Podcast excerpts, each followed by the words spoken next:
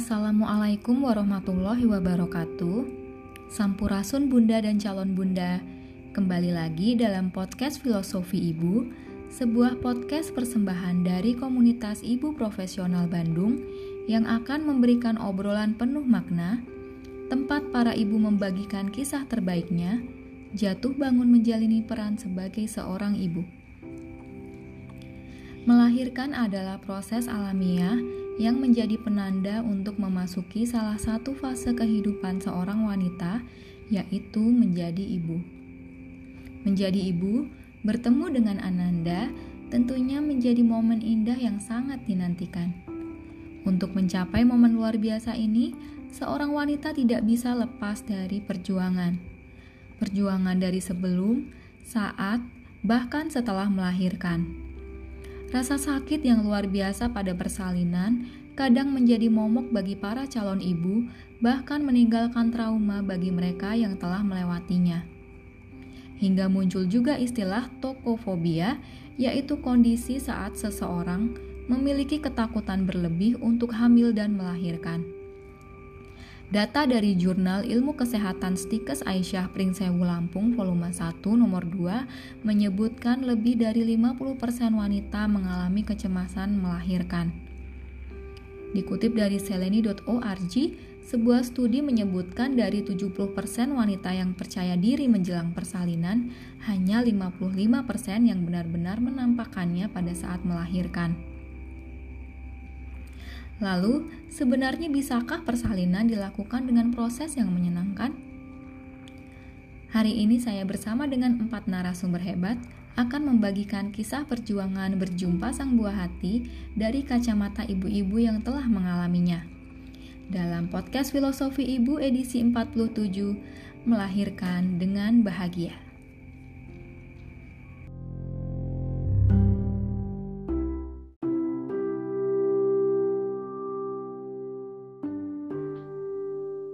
Sebelumnya izinkan saya berkenalan terlebih dahulu ya Bunda dan calon Bunda.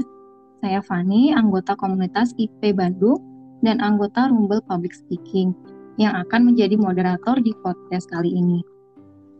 Selanjutnya, silakan kepada para narasumber untuk memperkenalkan diri. Baik, terima kasih Tefani. Sampurasun, Bunda dan calon Bunda. Saya Desi Agustiani, member Kabungah 3, juga member Rumble Public Speaking yang insya Allah juga akan mengikuti perkuliahan Bunda Sayang Batch 7. Assalamualaikum Bunda dan calon Bunda. Saya Dera, saya anggota komunitas IP Bandung, kebetulan member public speaking sama Rumble bisnis juga. Gitu aja ya Teh ya. Assalamualaikum warahmatullahi wabarakatuh. Sampurasun, Bunda dan calon Bunda.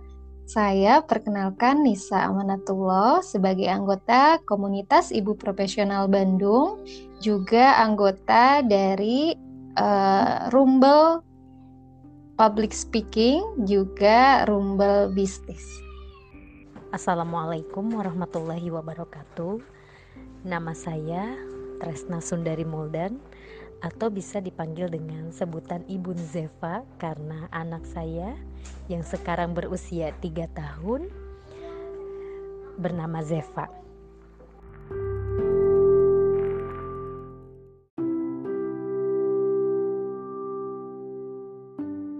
Pasti enak sekali ya kalau melahirkan itu mudah, menyenangkan. Kalau bisa anaknya banyak, prosesnya gampang semua, ngurusnya juga gampang semua. Saya sendiri baru satu kali teh di ruang bersalin dan rasanya tuh subhanallah. Nah, saya pada saat itu sampai berpikir kok mau ya ibu-ibu ini tuh merasakan uh, begini sakitnya gitu mengeluarkan si bayi manusia dari perut. Nah, gimana nih kalau Teteh apakah ada cerita menarik yang bisa uh, dibagikan ke uh, para bunda dan calon bunda semua di sini? Teh Tresna dulu. Baik saya menikah tahun 2014 bulan Desember. Saat itu saya tidak langsung diberi, dikaruniai uh, anak atau tidak langsung hamil, tetapi saya baru hamil itu di usia pernikahan dua tahun setengah. saya hamil dan di bulan keempat usia kandungan saya saya mengalami flek. Dokter hanya menyarankan saya untuk bed rest.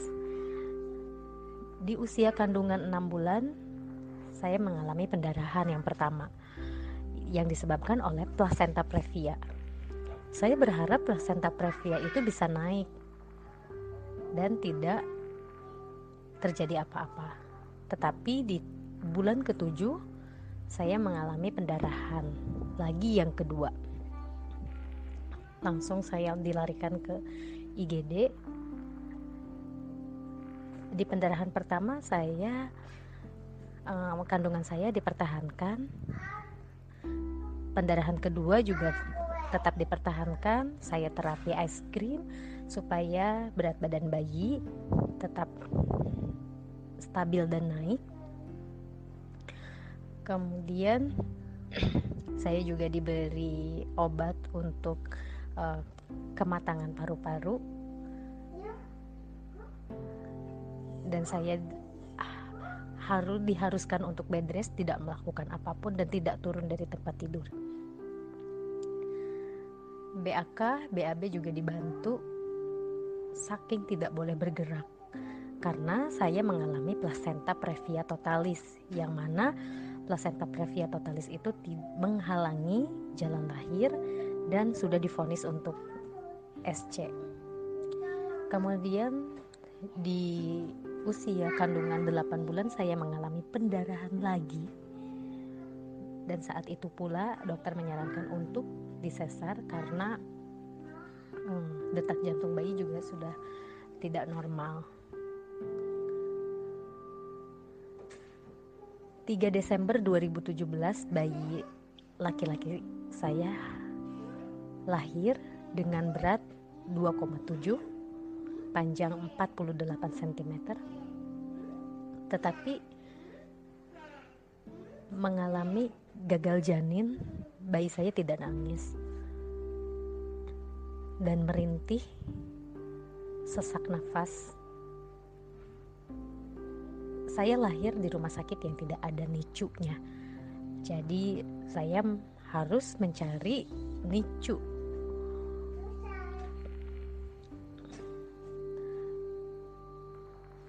Alhamdulillah anak saya diberi kesehatan, diberi penanganan yang luar biasa. Ketika satu hari itu kami semua panik mencari ruang nicu dan ternyata diagnosanya anak saya mengalami pneumonia. Dipasanglah ventilator melalui mulut dan selang makan atau selang minum susu itu melalui uh, hidung. Saya merasa bahagia karena anak saya lahir, tetapi saya sedih melihat anak saya harus berjuang. Ibu, di, apa? saya sedih anak saya harus uh, berjuang melawan rasa sakitnya saya merasa sakit tetapi anak saya lebih sakit. Maka saya harus lebih kuat karena anak saya juga kuat sampai sekarang. Sampai sekarang anak saya sehat alhamdulillah. Masya Allah ini uh, speechless sih. Teh Tresna ini uh, dengernya mewek ya Teh. Uh, ya ini ada yang perlu kita tahu bahwa uh, ada uh, kondisi medis tertentu gitu ya Teh ya yang mungkin terjadi pada ibu yang mau melahirkan gitu. Nah ini mungkin buat ibu-ibu baru nggak kepikiran gitu teh. Kayaknya saya dulu juga nggak kepikiran deh untuk cari tahu sejauh itu gitu.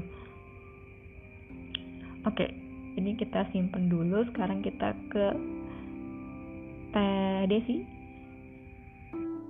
baik. Terima kasih Tefani uh, Alhamdulillah saya sudah dikaruniai dua putra pudo anak ya putra dan putri gitu. Jadi memang keduanya mempunyai pengalaman yang berbeda. Yang pertama mungkin lebih cenderung karena baru awal ya lebih banyak sedihnya. Maka eh, berazam untuk kelahiran yang kedua harus banyak bahagianya gitu ya. Nah untuk eh, supaya di persalinan kedua ini lebih menyempurnakan kebahagiaan saya dan suami gitu ya. Lalu yang tidak kalah penting yang mungkin kita harus siapkan adalah uh, fasilitas kesehatan ya. Fasilitas kesehatan yang kita pilih untuk menemani kita menyambut kedatangan buah hati. Dan kita juga perlu membuat perencanaan melahirkan atau birth plan. Nah, ini yang tidak saya lakukan di uh, kelahiran pertama.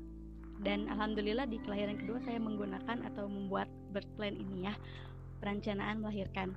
Pengalaman saya uh, Vaskes yang saya pilih menyediakan template-nya template birth plan ini.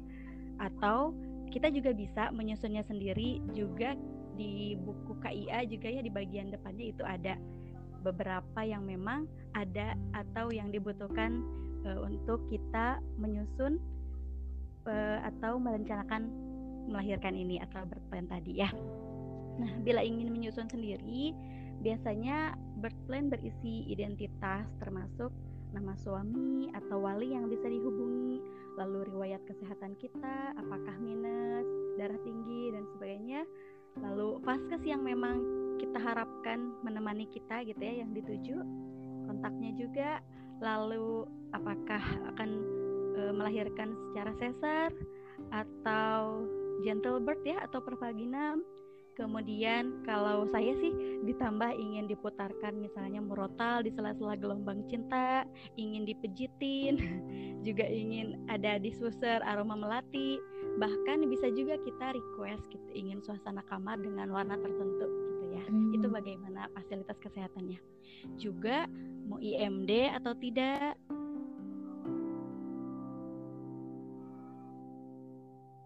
dari Vaskes ini uh, saat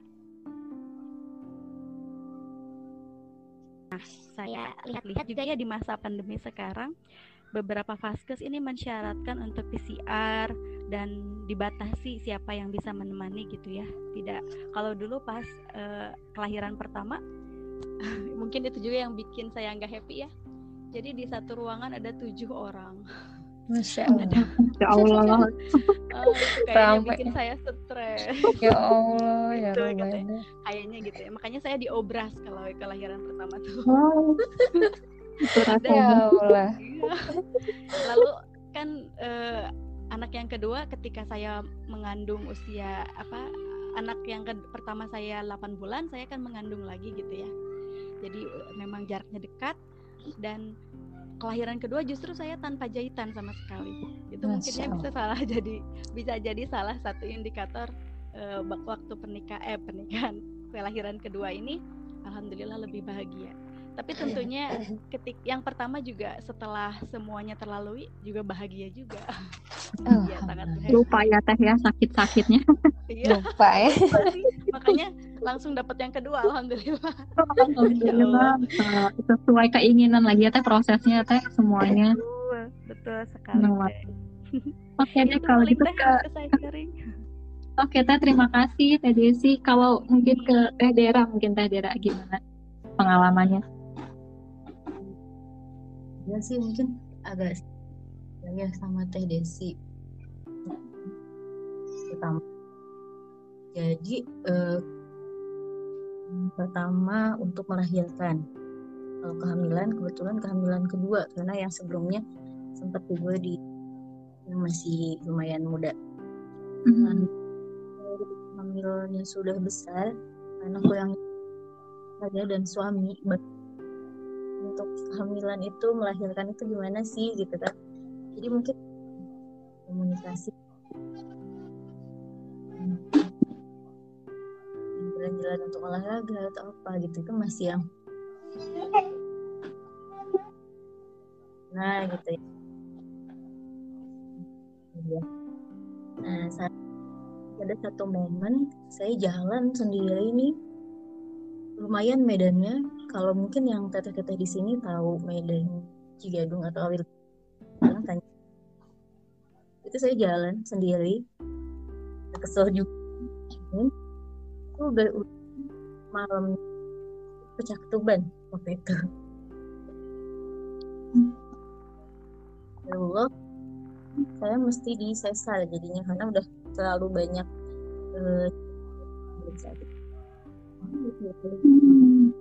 uh, di rumah sakit nih besok paginya.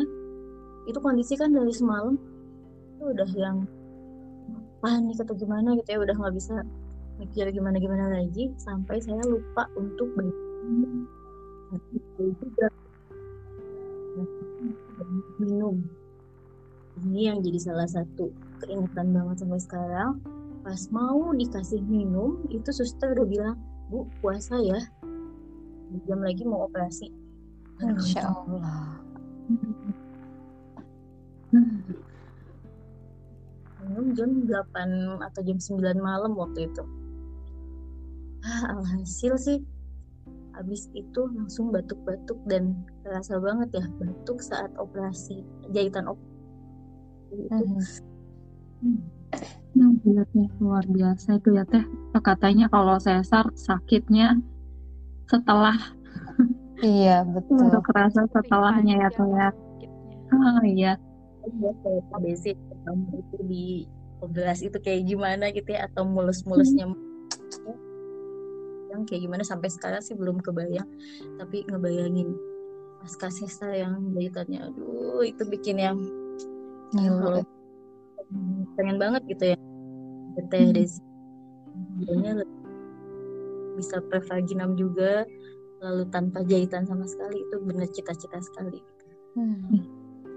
betul oh, menarik teh Dera ceritanya. Perjuangan. Ini eh, perjuangan seorang ibu ya teh ya. Uh, meskipun nggak sesuai gitu ya dengan ekspektasi tapi ya mau nggak mau harus dijalani ya teh ya. Oke teh Nisa mungkin teh Nisa gimana? Ada cerita nggak nih teh? Iya masya Allah uh, luar biasa ya pengalaman dari uh, teh Desi, teh Dera gitu ya. Inilah gitu fitrah kita gitu ya sebagai seorang perempuan yang memang ketika Allah sudah uh, menakdirkan kita memiliki pasangan pasti memang akhirnya doanya adalah memiliki keturunan gitu ya luar biasa dan ternyata masih banyak gitu ya fase-fase yang harus kita lewati gitu. Nah, uh, Kodarullah Nisa sendiri sudah diamanahi uh, empat orang putra. Yang ketiga itu uh, laki-laki semua dan yang terakhir adalah perempuan gitu ya. Jadi uh, kalau kisah dari bukan kisah ya mungkin cerita gitu ya atau apa ya berbagi pengalaman mengenai melahirkan uh, yang pertama nih saya tuh menikah di usia muda. Jadi setelah SMA saya menikah gitu ya mungkin udah jalannya seperti itu.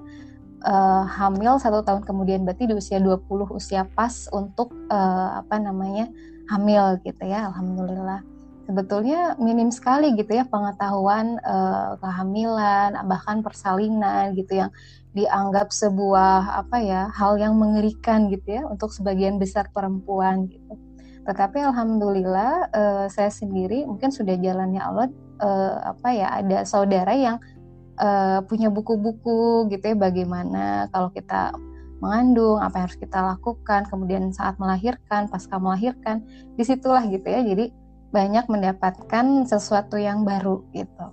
Kalau pengalaman melahirkan sebetulnya dari yang pertama dan yang kedua uh, itu melahirkan biasa gitu ya tanpa bantuan apa pun gitu. Maksudnya tidak melakukan metode yang memang meringankan rasa sakit gitu ya, mengurangi kecemasan gitu. Uh, karena melahirkannya pun pulang gitu ya ke Cianjur dari Bandung teh pulang dulu ah melahirkan gitu ya yang kedua itu. Bahkan uh, kalau yang pertama itu alhamdulillah ya teh lancar gitu ya mudah meskipun dia yang pertama gitu ya cuman memang proses mulasnya kan lama ya biasanya kalau anak pertama uh, karena memang pu udah punya keyakinan juga dari apa yang dibaca bahwa memang ini udah kodratnya perempuan gitu. Dan sebetulnya setiap perempuan bisa melahirkan dengan uh, istilahnya mah lancar gitu ya mudah gitu. Jadi kayaknya rasa pede mah udah punya mungkin ya teh ya saya teh gitu. Jadi alhamdulillah uh, anak yang pertama lahir uh, dimudahkan oleh Allah cuma dua jahitan waktu itu anak pertama gitu. Hmm, namun entah apa yang keliru pada waktu melahirkan saya jadi ada wasir. Dan itu sakitnya gitu luar biasa lama hampir setengah tahun. Jadi hmm. uh, rasa sakitnya tuh kayak diiris-iris ternyata gitu ya. Mungkin apa ya uh, ada hal yang memang tidak difahami akhirnya jadi ngedennya tuh ke situ gitu ya ke apa namanya ke aliran darah gitu. Betul. Kemudian uh, Allah karuniakan lagi setelah enam tahun tuh teh enam tahun anak saya. Jadi panjang memang uh, menanti anak yang kedua kemudian Allah karuniakan lagi. Nah kalau yang ini pecah ketuban gitu ya pecah ketuban lebih awal kemudian kontraksi dan prosesnya ternyata lama gitu. Mungkin setiap hmm. perempuan berbeda ya ini lama bang saya tuh malah ngerasa aneh kok ini tuh udah gak kuat pengen ini gitu ya pengen keluar si baby tapi kok nggak keluar keluar gitu. Ini lumayan gitu ya. E, yang kedua ini perjuangannya lebih luar biasa gitu sampai akhirnya keluar. Ya itu tadi betul. Kata Teh Desi mah diobras katanya gitu ya. Nah yang kedua ini mah diobras kayaknya luar biasa gitu ya masya Allah gitu. Tapi ya dinikmati aja gitu ya perjalanan mungkin. Terus ketika Allah uh, amanahkan lagi anak ketiga dan keempat, nah ini saya ah berniat mau di Bandung gitu ya, berniat mau dibantu di Bandung. Karena sebelumnya pun sebelum hamil itu saya pernah mengikuti uh, apa namanya pelatihan hipnosis. Mungkin saya udah teredukasi gitu ya tentang hipnosis. Ternyata bidan yang saya kunjungi untuk apa namanya uh, rutin uh, apa namanya ngecek kandungan uh, menyediakan fasilitas itu gitu terus rasanya kok jadi tertarik ya pengen gitu ya seperti apa sebetulnya. Terus saya coba cari-cari lah informasi gitu ya. Uh, lihat-lihat gitu ya baca-baca di internet. Akhirnya memantapkan diri lah gitu. Dan ternyata benar gitu. Uh, hypnobirthing ini uh, menurut saya bisa meringankan rasa sakit saya gitu ya terus membuat kecemasan semakin lebih rendah mungkinnya bisa ditekan. Kekhawatiran rasa sakit bahkan ketika proses memang kita sudah di atas uh, ranjang uh, kasur persalinan gitu ya. Uh, sebetulnya kan hipnosis itu kekuatannya hanya sugesti ya teh ya. Jadi kita disugesti kemudian muncullah hormon-hormon yang menyebabkan uh, apa namanya kontraksi itu berjalan dengan baik yang memudahkan persalinan kita yang disebut dengan hormon oksitosin itu ya. Jadi sebetulnya ya tadi balik lagi kenapa kodrat? Karena sebetulnya kita tuh punya uh, apa ya uh, kekuatan gitu ya di dalam tadi hormon oksitosin itu. Dia itu uh, memudahkan persalinan kita gitu. Tetapi memang keadaan kita harus tenang gitu kan jangan khawatir tidak begitu takut. Karena kalau takut yang keluar bukan hormon oksitosin dan endorfin gitu kan. Endorfin kan yang membahagiakan ya. Tetapi hormon e, adrenalin tadi. Jadi rasa khawatir rasa takut itu ternyata mengurangi e, kadar oksigen dan aliran darah ke otot-otot kita gitu. Jadi kayak tidak rileks gitu.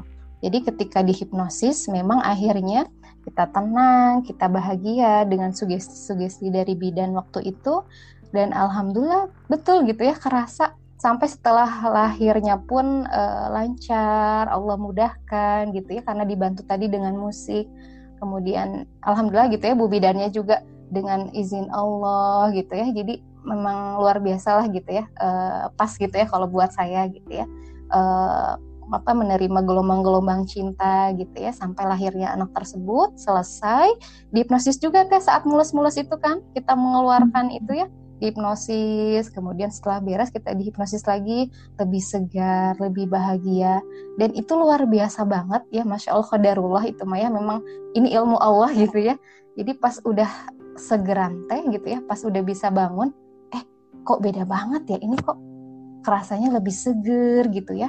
Nggak kayak ke yang pertama dan yang kedua setelah melahirkan itu gitu.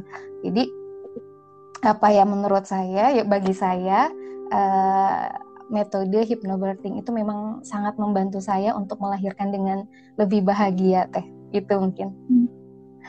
Aduh menarik sekali Teh Nisa uh, sharingnya tentang hipnosis ya hypnobirthing ini kayaknya iya. kalau dibahas tuh bisa jadi satu podcast sendiri kayaknya teh mungkin kapan-kapan ya. Allah. Iya. Pengen lagi.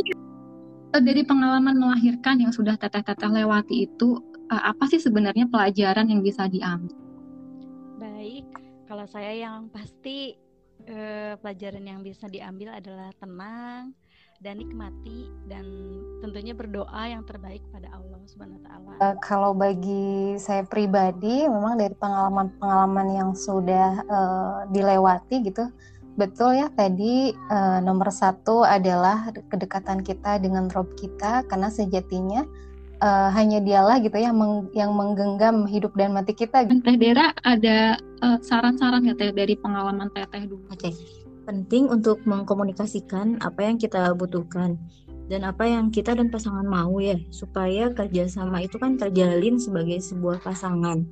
Dan ketika menghadapi proses persalinan itu kita bisa lebih siap dan bahagia. Itu aja sih teh mungkin kalau dari saya. Masya Allah. Terakhir teh Tresna.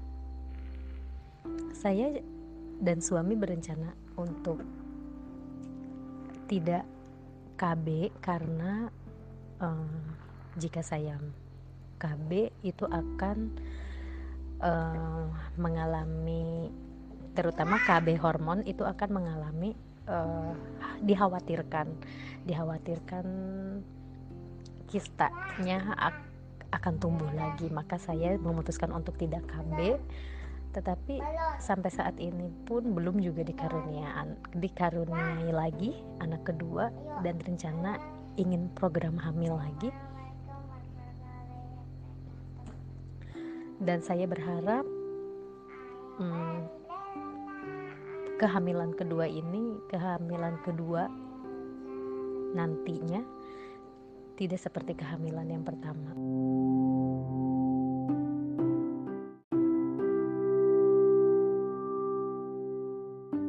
Dari obrolan dengan teteh-teteh hebat ini bisa kita lihat bahwa uh, perencanaan yang matang itu menjadi kunci uh, untuk melahirkan dengan bahagia. Nah, persiapannya itu uh, tenaga kesehatannya atau fasilitas kesehatannya, kemudian dengan uh, menambah ilmu yang uh, terkait dengan uh, melahirkan itu seperti apa juga akan membantu kita untuk lebih tenang menghadapi hari H persalinan. Kemudian tadi juga dari Teh Dera mengingatkan bahwa kita juga membutuhkan dukungan dari orang-orang terdekat kita gitu tadi disebutkan teh diusi, ada juga yang namanya berplan. Nah ini kayaknya penting juga ya teh kalau bisa kita buat gitu ya, kalau memungkinkan ini akan lebih baik gitu ya.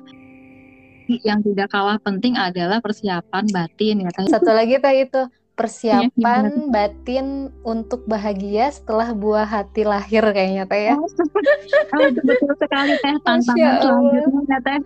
Wow. Sebagai penutup diskusi kita mungkin dari teteh-teteh ingin cerita sesuatu atau ada yang disampaikan lah. Paling itu sih emang benar kata teteh-teteh semua. Jangan takut untuk menambah ilmu pengetahuan ketika kita sedang hamil ya pengetahuan tentang kehamilan, tentang melahirkan nanti dan mengurus anak nanti itu sangat penting banget buat kita. Itu sih teh. Teh Tresna? Tidak ada rasa kapok rasanya ketika anak atau bayi itu lahir. Itu saja mungkin yang bisa saya sharing. Kemudian lanjut mungkin ke Teh uh, Desi. Kalau saya mah mau berpantun aja deh. Masya Allah. Papan ulin permukaannya kasar. Cakep. Cakep. mau buat rumah kekurangan bahan. Cakep. Cakep. Janinmu adalah karunia yang besar. Cakep. Semoga Allah Subhanahu wa taala selalu memudahkan. Amin. Amin. Masya Allah. Masya Allah. Keren banget ya. Pantunnya dalam. teh Nisa ada teh uh, terakhir nih. Iya. Apa ya, udah sangat luar biasa. Tadi sudah terwakili mungkin terakhir uh, bahwa setiap amanah yang Allah amanahkan kepada kita sebagai perempuan tentunya kita harus uh, siap dengan semua perjuangan yang memang harus kita lewati. Dan ingatlah, setiap perjuangan itu pasti berbuah kebaikan, dan setiap kebaikan pasti berbuah surga. Insya Allah. Amin. Insya Allah. Amin. Insya Allah. Baik, teteh-teteh semuanya. Uh, pada akhirnya rasa sakit dan bahagia itu sepertinya dua hal yang berbeda ya teteh-teteh. Melahirkan mungkin harus dilalui dengan rasa sakit, tetapi rasa sakit tidak harus mencegah kita untuk bisa melahirkan dengan bahagia. Alih-alih melemahkan, rasa sakit yang dirasakan itu justru mengungkap kekuatan wanita yang sesungguhnya yang melebihi apa yang kita kira. Terima kasih banyak kepada teteh-teteh semua di sini yang sudah berkenan berbagi cerita. Semoga menjadi manfaat dan inspirasi bagi bunda dan calon bunda semua yang mendengarkan podcast ini ya Teh. Amin ya rabbal alamin. Baik untuk semua uh, bunda dan calon bunda di luar sana, selamat menjalankan tugas mulia dengan penuh rasa syukur karena sejatinya dengan menjadi wanita saja adalah sebuah kebahagiaan. Masya Allah. Terima kasih sudah mendengarkan podcast kali ini. Ikuti terus podcast Filosofi Ibu edisi selanjutnya dan dengarkan kembali cerita lainnya yang inspiratif dari Ibu oleh Ibu dan untuk Ibu. Assalamualaikum warahmatullahi wabarakatuh.